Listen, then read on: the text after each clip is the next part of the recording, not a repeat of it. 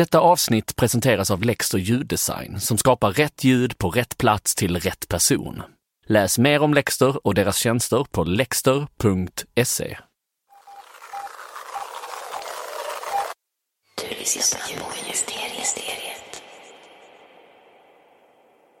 Det är den 30 januari 1962. Vi befinner oss i ett klassrum på en kristen flickskola i byn Kashasha, Tanzania. Matteprov. Det vilar en koncentrerad stämning och allt som hörs är raspet från blyertspennor. Men plötsligt bryts stämningen. En flicka börjar skratta. Sedan börjar flickan bredvid henne att skratta. Sen börjar flickan bredvid henne att skratta. Och sen börjar flickan bredvid henne att skratta. Och till slut skrattar hela klassen. Det skulle kunna vara vilket klassrum som helst, i vilken världsdel som helst. Elever blir rastlösa, de busar, retas, skrattar, läraren säger till och eleverna skärper sig. Men i Kinshasa den 30 januari 1962 är det annorlunda. Flickorna kan inte sluta skratta. Läraren säger strängt åt dem att sluta, men då blir de våldsamma. Flickorna lämnar klassrummet skrattandes, springer ut på gården, faller ner på marken, rullar runt och vrider sig av skratt. En grupp förvridna kroppar som oavbrutet skrattar skapar uppmärksamhet. De andra klasserna på gården vill veta vad som händer och det bildas en ring av nyfikna ungdomar runt de hjälplösa flickorna på marken. Varför skrattar de så mycket? Vad är det som är så roligt? Och så plötsligt i ringen av nyfikna ungdomar börjar en annan flicka att skratta. Hon fnittrar och försöker kväva skrattet. Men hon verkar inte ha något val. Skrattet attackerar henne. Hon kippar efter andan, håller sig för magen och skrattar i kapp med flickorna på marken. Och nu börjar flickan bredvid henne att skratta. Och flickan bredvid henne börjar också att skratta. Och nu kan ingen av flickorna på gården undkomma. Merparten av skolans elever skrattar och rektorn har inget val. Han måste stänga ner skolan. Men det här, det är bara början på den så kallade skrattepidemin i Tanzania. För snart skrattar inte bara hela skolan i Kashasha, utan 13 skolor till i över sex månader. I detta avsnittet ska vi undersöka skrattet. Hur skrattar vi? Varför skrattar vi? Vad är skrattets evolution? Och innebär skratt alltid att något är roligt? Jag heter Timmy Strandberg och du lyssnar på Ljudministeriet.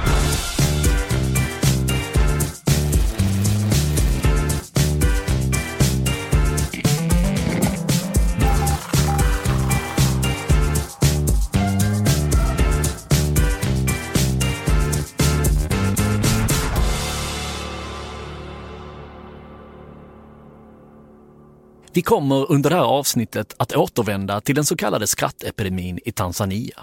Men vi börjar med att dyka in i vad skratt faktiskt är för något, hur det låter och var det kommer ifrån. Om du är väl bevandrad inom medicin och kliniska termer så är skratt En neuromekanisk oscillation som involverar respiratorisk neural aktivitet. Är du liksom jag inte bevandrad inom medicin och kliniska termer så kan skratt förklaras så här. Ett ljud som människor ofrivilligt skapar med rösten. Ibland också frivilligt. Jag återkommer till det. Så hur låter det då när en människa skrattar? Ja, ungefär så här. Det som händer när vi skrattar är att samma muskler som kontrollerar vår andning börjar göra spastiska sammandragningar. Istället för långa jämna andetag producerar kroppen stötvisa luftströmmar. Skratt är helt enkelt stämbanden som öppnas och stängs väldigt snabbt. Detta görs ofrivilligt och är för många människor svårt att göra med vilja. Men skratt ter sig väldigt olikt hos olika personer.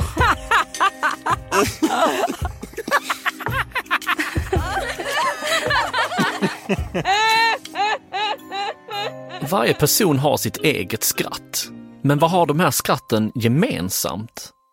Vad är det i ett skratt som gör att du vet att det är just ett skratt? Science succeeds by studying simple things. And that's why I pick laughter. Hey, I'm a neuroscientist trying to do this. Robert Provine är amerikansk psykolog och hjärnforskare och författare till boken Laughter, a scientific investigation. Här hör vi när Robert håller en föreläsning på Chicago Humanities Festival. I'm not saying that all laughter is the same, but it must have some foundation. Han har genom tusentals timmar av analyser brutit ner det mänskliga skrattets anatomi. These nuances, han är mycket väl medveten om att det finns olika typer av skratt och olika typer av skratt för olika situationer. Det nervösa skrattet, det roliga skrattet, det rädda skrattet, det ironiska skrattet och så vidare. Men han menar också att dessa skratten måste ha någonting gemensamt. Hur vet du annars att det är ett skratt? Enligt Robert Provine så kan det stereotypa skrattet beskrivas så här. Det är en kort explosion av ljud som pulserar och avtar i volym. Ljudet består av en vokal som ha, hu, hi och det repeteras varje femtedel av en sekund. Robert Provine demonstrerar.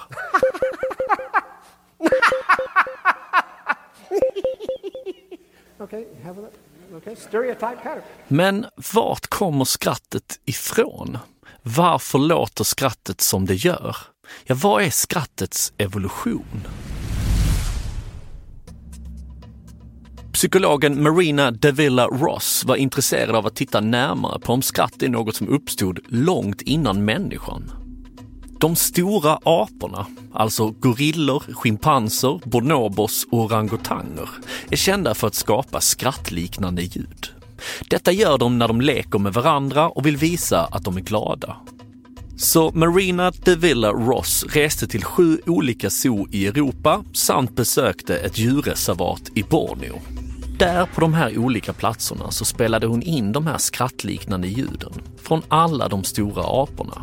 Och i sin studie så inkluderade hon också skrattet från tre stycken spädbarn, alltså människor. Nu hade hon ljud från totalt 21 stycken olika individer. Gorillor, schimpanser, bonobos och orangutanger. Samt de här tre små spädbarnen. Dessa ljuden matade hon in i en programvara som kan analysera de akustiska egenskaperna och evolutionär utveckling. Programvaran kan alltså berätta vilket ljud som borde komma först, vilket som sedan utvecklas ur det första ljudet, vilket ljud som sedan kommer ur det andra ljudet och så vidare.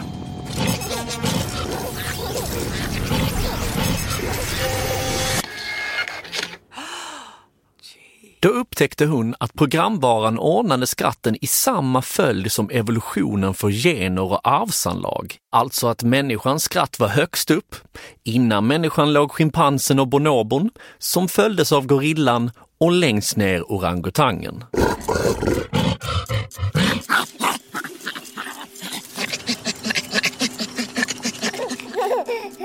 Marina de Villa Ross undersökning visar att evolutionen inte bara går att se, utan även att höra. I skrattet. Så de stora aporna skapar skrattliknande ljud när de leker, alltså som vi människor.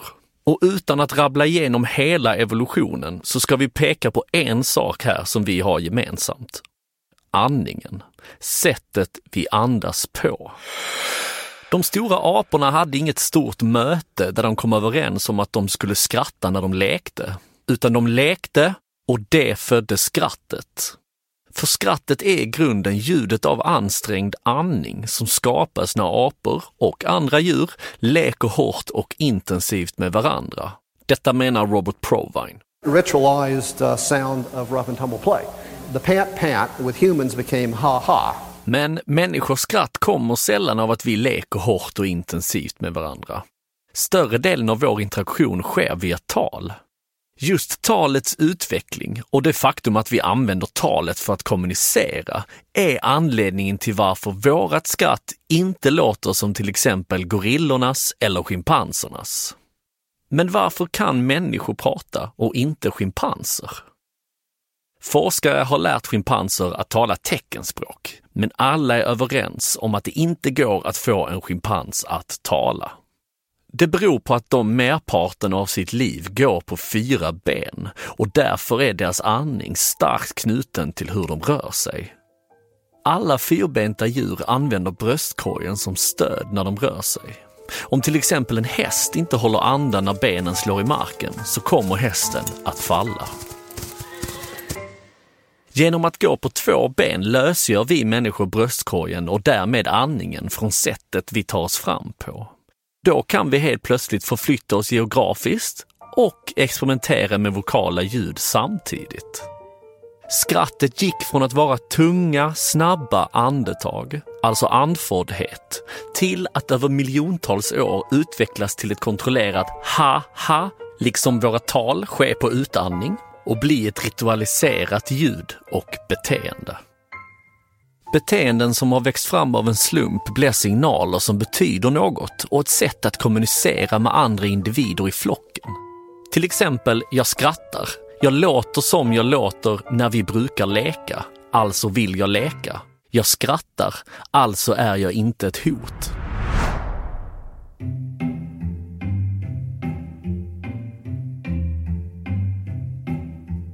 Men det visar sig att vi inte måste åka till sju olika zoo för att höra evolutionen. Du kan faktiskt höra den i din vardag. Lyssna på ett litet barns skratt. det är omöjligt att ta miste på. Det är inte bara tonhöjden på rösten, utan även något annat, nämligen andningen. Bebisars skratt är ganska likt schimpansskratt. Vuxna människor skrattar utåt, alltså ha-ha. Men små barn, de skrattar utåt och inåt. Jag heter Disa Sauter, jag är associate professor i psykologi vid Amsterdams universitet. Disa och hennes kollegor använde sig av Youtube och samlade in 44 olika exempel på skratt av spädbarn. Från tre månader till 10 månader och hela vägen upp till 18 månader. Och det blir mer och mer människolikt ju äldre bebisarna blir.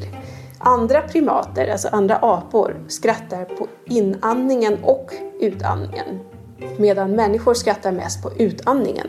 Och det visar sig att små bebisar, de skrattar också på inandningen och utandningen. Och små bebisar, ja, de kan varken gå eller tala. Inte förrän de får kontroll på andningen. Vi börjar alltså att skratta som små apor och sen sakta men säkert lär vi oss att gå, tala och därmed skratta utåt. Evolutionen behåller beteende och drag som är positiva och fortsätter att utveckla dessa över tid. Därför är människan heller inte det enda djuret som skrattar. Om vi ser oss om i djurriket hittar vi massor av liknande uttryck. Men vissa av dessa uttryck är ohörbara för oss människor. För du har väl aldrig hört en råtta skratta, va? Du kanske inte ens tror att de skrattar. Men det gör de faktiskt. I alla fall enligt Jack Panksepp. You know, we started measuring the vocalizations in the middle 19, late 1990s. Jack Panksepp är tyvärr död idag. Han var en estnisk-amerikansk hjärnforskare och psykobiolog. Han och hans team på Bowling Green University forskade på råttors vokala uttryck och vart det sker i hjärnan. Ett friskt människoöra kan höra frekvenser mellan 20 Hz och 20 000 Hz. Så här låter cirka 200 Hz. Så här låter cirka 2000 Hz. Och här har du 12 000 Hz. När råttor är rädda och irriterade så gör de långa skrik runt cirka 22 000 Hz. Och när de är glada så gör de korta skrik runt 50 000 Hz. Detta kunde Jack Panksepp och hans team ta reda på för att de använde sig av en speciell utrustning. Nämligen samma utrustning som används när vi spelar in fladdermöss. Då finns möjligheten att spela in väldigt höga frekvenser för att sedan pitcha ner dem så att de blir hörbara för ett mänskligt öra. We discovered that there was a play vocalization. Forskarteamet hade noterat att råttorna gjorde de här väldigt höga ljuden på 50 000 hertz när de lekte med varandra. Like. Kan det vara så att det här ljudet de gör har samma funktion som skratt? Skulle vi kunna kittla råttorna och därmed provocera fram det här ljudet de skapar när de leker? Som människor. And I came into the lab and asked my assistant to come help me and let's tickle some rats. So here we go, kutsi kutsi kutsi. Och det de gör är att de helt enkelt har en råtta i en låda, tar på sig en handske och så kittlar de råttan på magen. Och forskarteamet hade rätt. För när råttorna blev kittlade så gjorde de samma ljud som när de lekte med varandra. Och så här låter det när man pitchat ner råttors skratt så det blir möjligt för oss människor att uppfatta det. Men vad tyckte råttorna om denna aktiviteten egentligen? Tyckte de verkligen om att bli kittlade? These animals would begin to enjoy our company and they would start to play with our hands and wherever we would put our hands they would follow it. Råttorna behandlade handen som en lekkamrat. När handen inte längre kittlade dem så sprang de efter handen i jakt på mer. Och samtidigt som de jagade handen så gjorde de samma ljud som när de blev kittlade och lekte med varandra. De skrattade. And when we tested these animals to ask whether they were enjoying this kind of activity, the unambiguous answer was yes. Och man kanske kan tycka att detta är trivial forskning. Men en av flera intressanta saker som kom ur studien är att det verkar gå att göra en individ mer potent för skratt. Råttungar som blev kittlade när de var små skrattade mer när de blev äldre. Och de råttor som skrattade mindre eller inte alls tenderade att bli mer missförstådda och därmed attackerade och utstötta av flocken. Du lyssnar på Ljudmysteriet. Den 30 januari 1962. Vi är tillbaka i Kashasha, Tanzania. Rektorn har efter många försök att få flickorna att sluta skratta tvingats stänga ner sin skola. Flickorna går skrattandes ut från skolan och hem till grannbyarna runt Kashasha. Och vad den är som drabbat flickorna så smittar det. I en av byarna börjar 200 flickor att skratta och ännu en skola tvingas att stängas ner. Samma sak upprepas om och om igen i by efter by. Och snart skrattar tusentals individer runt om i Tanzania. Ingen förstår varför. Well, I came over to see what was going on. Children started laughing. I dokumentärfilmen Laughology från 2010 åker Albert Nuremberg ner till Tanzania för att försöka hitta personer som var där när det hände. Och Albert lyckas träffa en av de läkare som upplevde detta tillstånd på nära håll. En av dem som försökte sätta en diagnos och behandla de drabbade flickorna. we took all the blood samples, eh? Läkarna tog blodprover och skickade för analys till Europa. Men blodproverna gav inget svar på detta mystiska tillstånd. Nothing abnormal detected.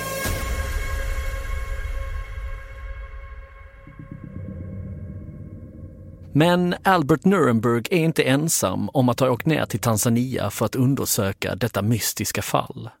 Den resan har även Radiolabs Ellen Horn gjort. Gertrude is in her 50s. She's got short, loose curls and a big smile.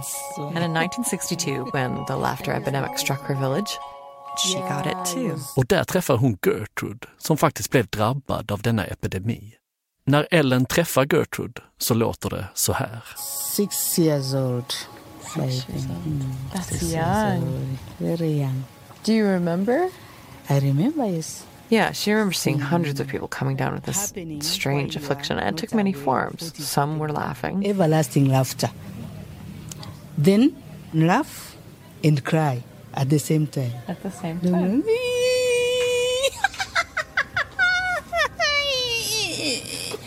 what happened to me was I was not able to talk crying only, and then my eyes were closed as if there is a, a gum on my eyes. Gertrude berättar att hon inte kunde öppna sina ögon. Hon kunde inte prata, bara gråta. So my mom, she carried me on her back. Och det är då hennes mamma bestämmer sig för att något måste göras. Hon tar sin dotter på ryggen och börjar vandra. They walked over the hills, her mom carrying her on her back for hours. And along the way, they ran into other people, dozens of people, all headed the same way, Laughing. laughing, crying. Oh, grabbing yeah, the other. Men vart är alla på väg någonstans? Into this witch doctor. De ska till traktens häxdoktor. They didn't know what else to do. Hundreds of people, she says, converged on this woman's tiny hut. Häxdoktorn får fullt upp. Det är hundratals människor som väntar på att få samma behandling. going inside turn by turn. In the house, they were full. They had to stay outside. There were many. Because there were so many people going to yeah, the doctor. many people. Förr eller senare så slutar de drabbade att skratta och gråta.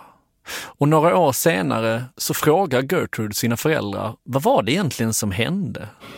They said that it was something like spiritual, a spiritual event. Och de berättar att ett år innan skrattepidemin bröt ut så kom det miljontals av larver. Och de flickor som blev drabbade av skrattepidemin, de hade gått på de här larverna, dödat larverna och sen blivit straffade av larvernas själar.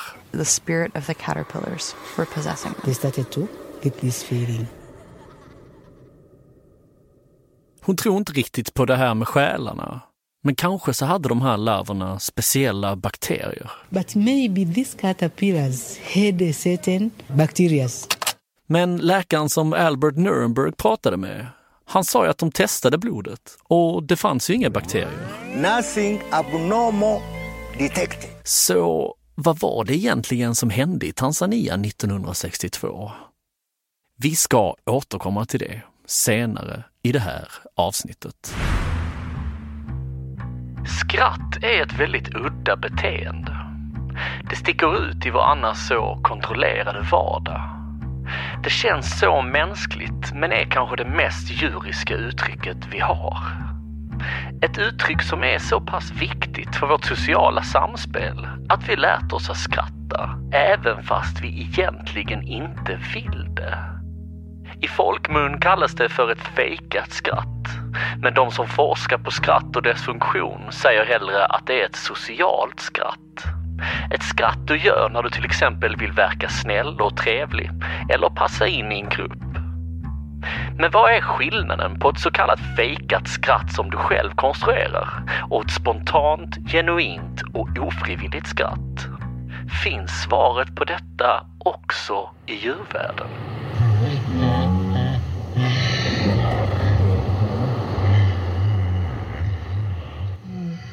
Björn, val, valross.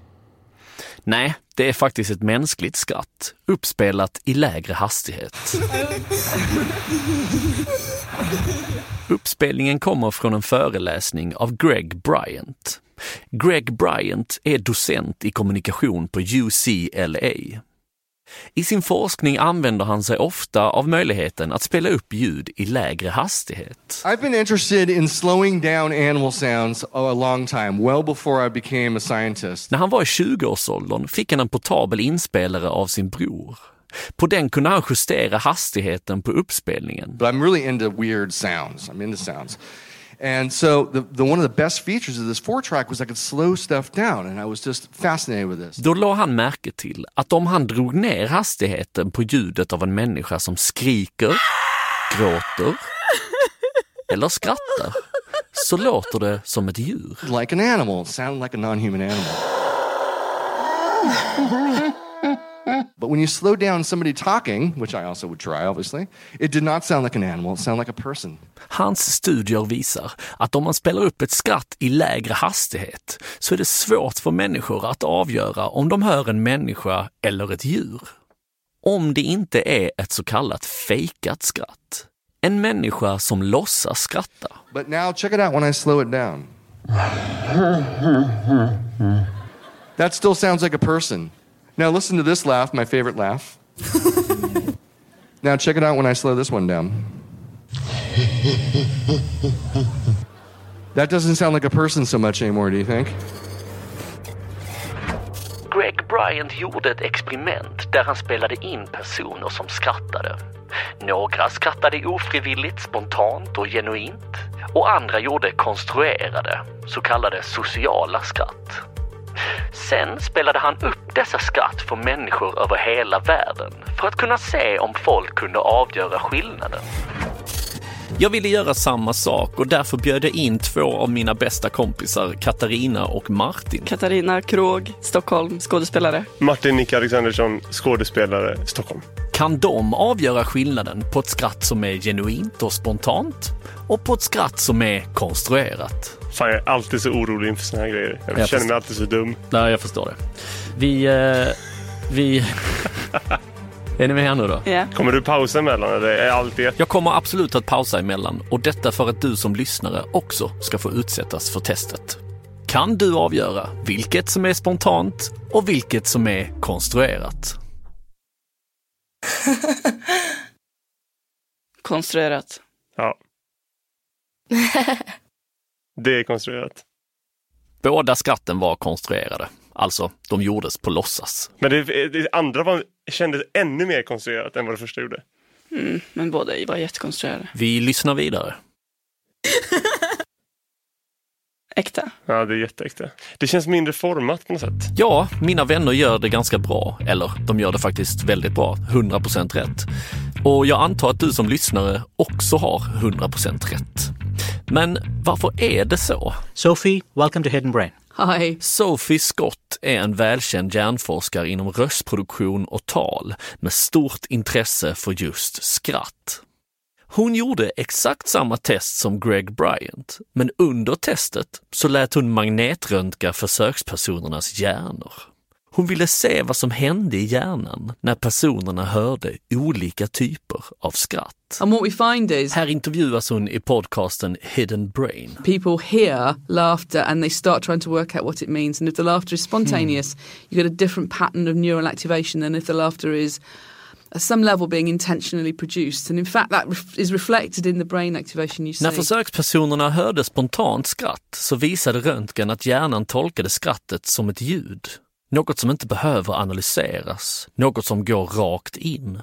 Men när de fick lyssna på konstruerade skratt så såg Sophie att försökspersonernas hjärna började tänka och analysera, försöka sätta kontext och förstå vad skrattet betydde. Det var också något annat som hände. När försökspersonerna hörde spontant och genuint skratt så började de själva att skratta.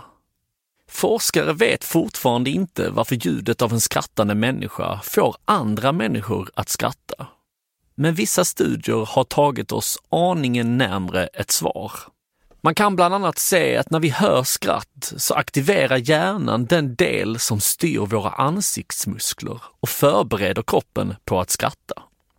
Och en studie som gjorts i Finland visar att när hjärnan registrerar ljudet av skratt så börjar den frisätta endorfiner som gör att ämnet dopamin ökar i hjärnan. Och det gör i sin tur att det blir lättare för kroppen att skratta. Det måste ju vara så att skratt bär på akustiska egenskaper som kan avslöja om det är ett genuint eller ett konstruerat skratt. Men vad är skillnaden? Jag låter dig och mina vänner lyssna på två skratt till. Är dessa skratten konstruerade eller spontana? Det är konstruerat. Som Greg Bryant själv säger. That's super fake, right? Superfejkat. Men det här då? Extra. Den har ett högre spann, den går högre upp i pitch. Ja, den tappar kontrollen tycker jag det låter som. Tycker du också att det skrattet lät äkta? Ja, nu var det som så att vi faktiskt lyssnade på samma skratt två gånger på raken, fast andra gången i högre hastighet. Det första uppfattades som konstruerat och det andra, som mina vänner sa, lite mer äkta. Men varför tycker vi det? It has to do with the control of the glottis, the opening and closing of the glottis. Greg Bryan tror att det har att göra med vår kontroll över glottis. Glottis är ett gruppnamn för vår röstbringa och stämläppar. De delar som spelar en mycket stor roll vid talproduktion. När vi producerar vokala ljud är det glottis som öppnas och stängs. Detta gäller självklart även skratt. When we're speaking, it's harder to control that opening and closing on purpose. Men när vi konstruerar ett skratt så ger vi oftast inte den kraft och luft som krävs för att få glottis att öppnas och stängas väldigt snabbt. The spontaneous or real laughs are faster generally. Den kraften skapas dock ofrivilligt när våra muskler kramar runt våra lungor och skapar ett genuint skratt. Laughs that are produced by the speech system are more speechy, meaning that they have a higher proportion of voicing, vowel sounds, right? Ha ha ha, the ultimate fake laugh, right? There's no breathing in there, it's just all vowels, right? But if you start going, you know, then it sounds a little more real. So that's your trick if you want to make more real laughs. Make them faster, make them higher pitched, like you're aroused, and try to make it so they're a little more breathy. Men nu som vi har styckat ner det då, att vi vet att det är eh, högre pitch, det är tätare. Kan inte vi då konstruera ett skratt som kan låta? Jag tror det. Jag tror också det. Mm. Det gör jag ju även med er. Alltså Ja. ibland att så här, okej så kul var det inte. Men jag vill ändå connecta, jag vill att det ska vara lika kul som det brukar vara. Mm.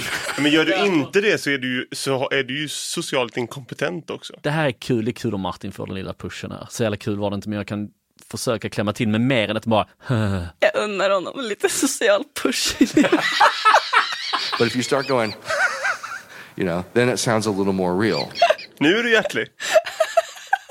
Nej, men det kommer jag på mig själv också massa gånger. Mycket, många gånger per dag. Typ skratta åt någonting som jag inte tycker är så kul. Och varken jag eller Martin är ensamma om att skratta åt något som inte är så kul. Ni vet Robert Provine, han jag pratade om i början. Han som brutit ner skrattets akustiska anatomi. Laughter can be defined as a short burst. Han bedriver en typ av forskning som han själv kallar Sidewalk Neuroscience. Och han är ett stort fan av forskning som går att bedriva genom att se sig omkring i vardagen och dra slutsatser därifrån. Han och hans kollegor gjorde något som ingen tidigare gjort när det kommer till forskning om skrattet. De satte sig ner på kaféer, shoppingcenter, bussar, restauranger, parkbänkar och väntrum för att undersöka varför och när folk skrattar. Då visade det sig att cirka 80 procent av alla skratt de observerade kom i anslutning till totalt ohumoristiska fraser, som till exempel “kul att träffas”, “kan du skicka sockret”, “jag måste dra”, “var köpte du den tröjan?” Vi skrattar inte alltid för att det är kul. Vi skrattar för att visa att vi håller med, att vi förstår, att vi delar samma upplevelse. Forskning visar också att vi skrattar mindre med människor vi tycker illa om och mycket mer med människor vi tycker om. Berkeley-professorn Robert Leverson gjorde en studie där han bjöd in gifta par in i sitt labb. Där gav han dem jobbiga samtalsämnen kring partnerskap, relationer, sex och kärlek. Han kopplade upp varje part till en lögndetektor för att tydligt se deras stresspåslag. Och så frågade han frågor som “Berätta något din partner gör som irriterar dig” och kunde då direkt se hur lögndetektorn började arbeta mer intensivt. Efter att ha gjort dessa testerna på flertalet olika par så upptäckte han att kärlekspar som kan hantera denna typen av frågor och stress med hjälp av skratt, ja, de blev inte bara direkt betydligt lugnare. Det var också de paren som varit tillsammans längst och de som uttryckte att de fick varandra att må bra. We're not just emitting at each other to show that we like each other, we're making ourselves feel better together. Hjärnforskaren Sophie Scott tror att samma sak gäller för vänskapsrelationer. Now, I don't think this is going to be limited to romantic relationships. I think this is probably going to be a characteristic of close emotional relationships such as you might have with friends. Så när jag skrattar åt Martins skämt, fast de inte är sådär jättekul, så visar jag inte bara för honom att jag tycker att han är kul, utan jag får oss båda att må bättre. Men gör du inte det så är du, ju, så är du ju socialt inkompetent också. Och vår vänskapsrelation att hålla längre.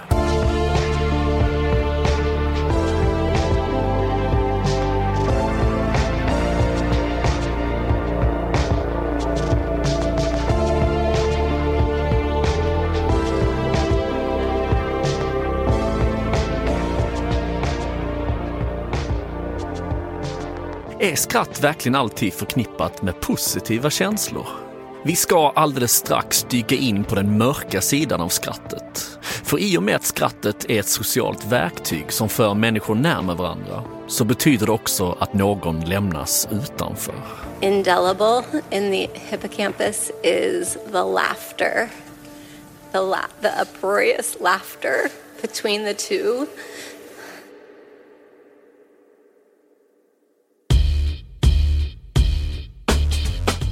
Stort, stort tack för att du lyssnar på Ljudministeriet. Vill du lyssna på Ljudministeriet utan reklam och i högre ljudkvalitet så finns det en premiumfeed på Patreon. Bryr du dig varken om reklam eller ljudkvalitet men vill ändå stötta podden?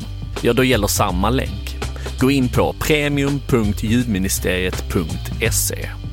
Snart skrattets mörka sida, men först det här.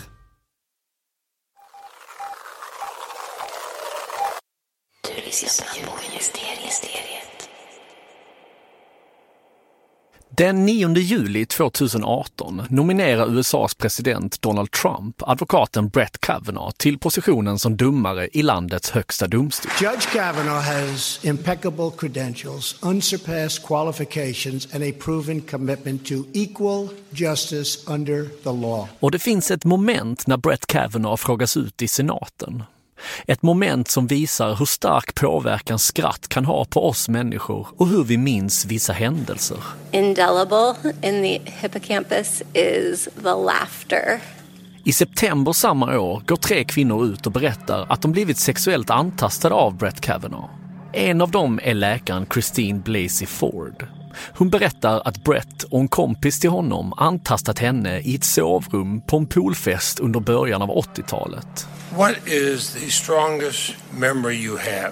Den amerikanska senaten bjuder in Christine för att vittna och senatorn Patrick Leahy frågar henne om anklagelserna och händelsen. Strongest memory of the incident, something that you cannot forget. Take whatever time you need. Och hennes svar dröjer inte länge. Indelible in the hippocampus is the laughter, the, la- the uproarious laughter between the two, and they're having fun at my expense. You've never forgotten that laughter. You've never forgotten them laughing at you. They were laughing with each other. And you were the object of the laughter. I was, you know, underneath one of them while the two laughed. Two, fr- two friends having a really good time with one another. Vi pratar ofta och gärna om den positiva sidan av skratt. Skrattet som verktyg för att bilda, behålla och förstärka sociala band. Dessa sociala band gör att vi kommer närmre varandra, men också längre bort från andra. Because if you think about laughter as being about making and maintaining social bonds, Sophie Scott. it has to mean, by definition, that someone is excluded from that bond. Otherwise, it doesn't mean anything. När man är tre personer och två har jävligt kul och skrattar. Min vän Katarina. Antingen att du inte själv förstår eller att du själv inte tycker den här saken är kul. Det, det är en så jävla jobbig känsla eh, av utanförskap. Och min vän Martin. Det är få saker som är så jobbiga som att eh, vara utanför ett, eh, en- ett skratt. Som vi pratade om förut, att det, det är en sån stark eh, liksom connector mellan personer. Att kunna skratta åt en gemensam sak om du då inte du är fysiskt med men du är inte där i den gemenskapen. Det är skitjobbigt. Vi lär oss när vi växer upp hur skratt ska användas, om det är positivt eller negativt. En effekt av detta är gelatofobi. En social fobi som gör att du alltid tror att du blir skrattad åt. Au, fy fan. Vad hemskt. Mm. Vart och när du än hör skratt så är du övertygad om att det skrattet, det handlar om dig. Personerna du går förbi på gatan, mannen du hör på bussen, paret du ser på kaféet och släktens garv under middagar. Alla skrattar åt dig. Personer som lider av detta har under sin uppväxt upplevt att deras trauma skrattas åt och att skratt har varit närvarande i mycket obehagliga situationer. Konsekvenserna av gelatofobi blir att personer som lider av det får djup ångest och panikkänslor vid ljudet av skratt och saknar helt förmågan att avgöra om ett skratt är lekfullt eller elakt. De undviker sociala situationer, uppfattas som humorlösa och utvecklar ibland aggressivt och våldsamt beteende som riktas mot de personer som skrattar. Men du behöver inte lida av gelatofobi för att tycka skratt är obehagligt eller uttrycka skratt vid obehagliga situationer. För som Robert Provine visat så skrattar vi inte bara när saker är kul. Vi skrattar för att hålla med, visa att vi tycker om någon och vill att samtalet ska fortsätta. Men ibland så skrattar vi även när saker är obehagliga. När situationen är spänd, när kroppen är spänd och när vi måste släppa på stress. Vi är tillbaka i Tanzania och vi ska fortsätta lyssna på när Radiolabs Ellen Horn åker ner till landet för att ta reda på vad som hände. Och där träffar hon faktiskt ett modernt fall. Conchester is her name. En tjej som i nutid blivit drabbad av det som för första gången bröt ut i Tanzania 1962. She tells me that in her high school there were three girls who were affected. Hon berättar att hon och två flickor till drabbas samtidigt. For all of them, it happened during exams. Det är morgon, de går in i klassrummet och de ska ha prov. Mathematics. Matteprov. Ja, precis som flickorna den 30 januari 1962. She sat down, she looked at her paper, and suddenly something came over her. And she started laughing. And then she took off all her clothes. She started undressing. Undressing? Yeah, and they caught her and took her to hospital. Si, yani kipindi kile And then she says she doesn't remember much else from that. She's told that she fought when they tried to restrain her. Men hennes familj tar inte henne till en häxdoktor. Nu är det andra tider och hon tas till ett sjukhus. Där söver de ner henne, men tre dagar senare så vaknar hon upp och fortsätter att skratta. Feel a little bit better for a while and then it would come on again.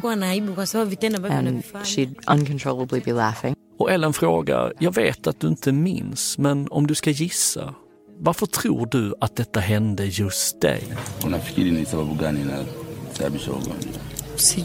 She says it happens for girls For girls who are who not are not free. Hon känner sig inte fri och säger att ingen tjej i hennes ålder är fri. Och det som de som drabbas av skrattsjukan har gemensamt är just att de är unga tjejer. Yeah, when you live with your parents and you're that age, no one's really free. Kan det ha varit så för flickorna på den kristna skolan i Kashasha 1962? Att de inte kände sig fria? Och vad var det i så fall som triggade detta utbrott av den så kallade skrattepidemin? Christian Hempelman, professor i lingvistik på Texas A&M University, har forskat på händelsen i Tanzania. Han beskriver epidemin som ett fall av masspsykogen sjukdom, alltså masshysteri. En sjukdom som oftast bryter ut i samhällen och områden där det råder en spänning bland medborgarna. Så vad hände i Tanzania 1962?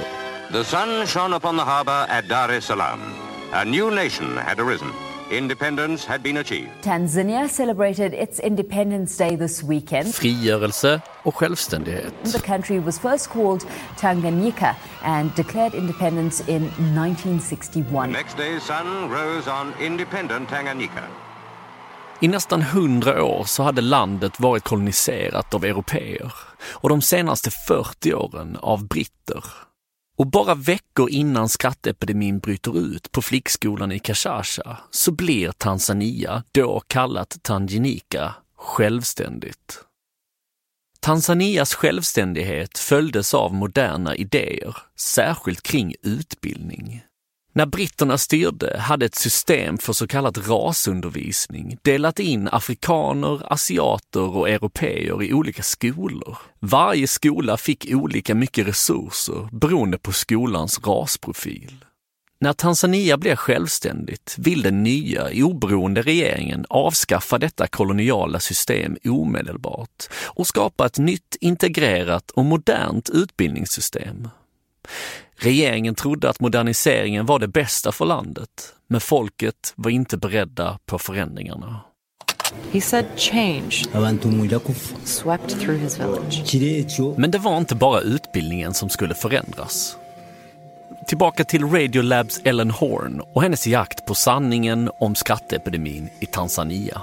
We tell him I want to know what he remembers. Här hör vi Ellen intervjua den man som 1962 när skatteepidemin bröt ut var häxdoktorns assistent. I asked him about the independence celebration that Gertrude described, the ones just before the laughter epidemic. He painted a very different picture. Och han berättar att det var väldigt mycket som förändrades. Och det som påverkade folket mest var när regeringen ville slopa den gamla religionen och ta in en ny. This was the brand new age. This was the new era. You were supposed to have a modern belief system.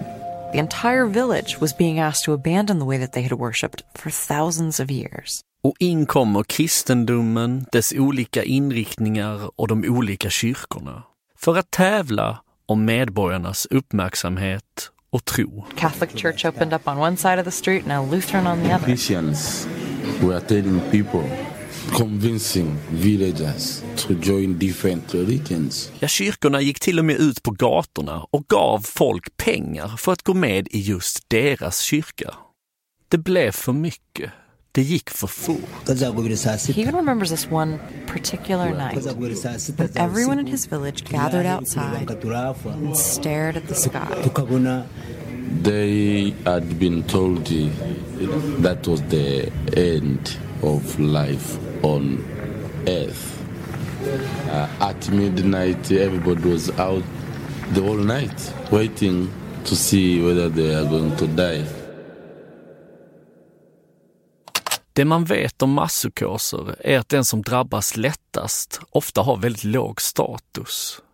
Den är ofta ung, ofta kvinna, ofta anställd. Ingen vet varför den första flickan började skratta i Kashasha den 30 januari 1962. Hennes skratt utlöstes antagligen av ångest från för stora och snabba förändringar. Mycket pekar på att hon inte kände sig fri. Att ingen kände sig fri. Skratt är en fysisk reaktion som har sitt ursprung i andfådd andning, likt den vid lek, eller likt den vid panik. En neuromekanisk oscillation som involverar respiratorisk neural aktivitet.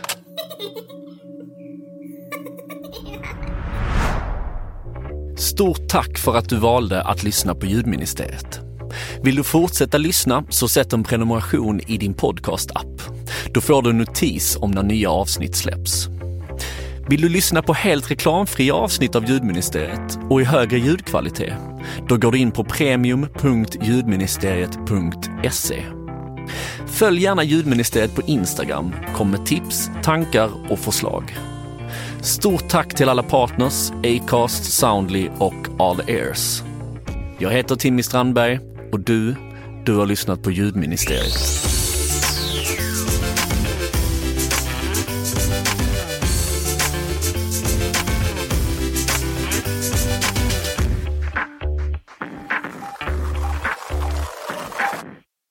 Detta avsnitt presenterades av Lexter ljuddesign. Läs mer om Lexter och deras tjänster på lexter.se.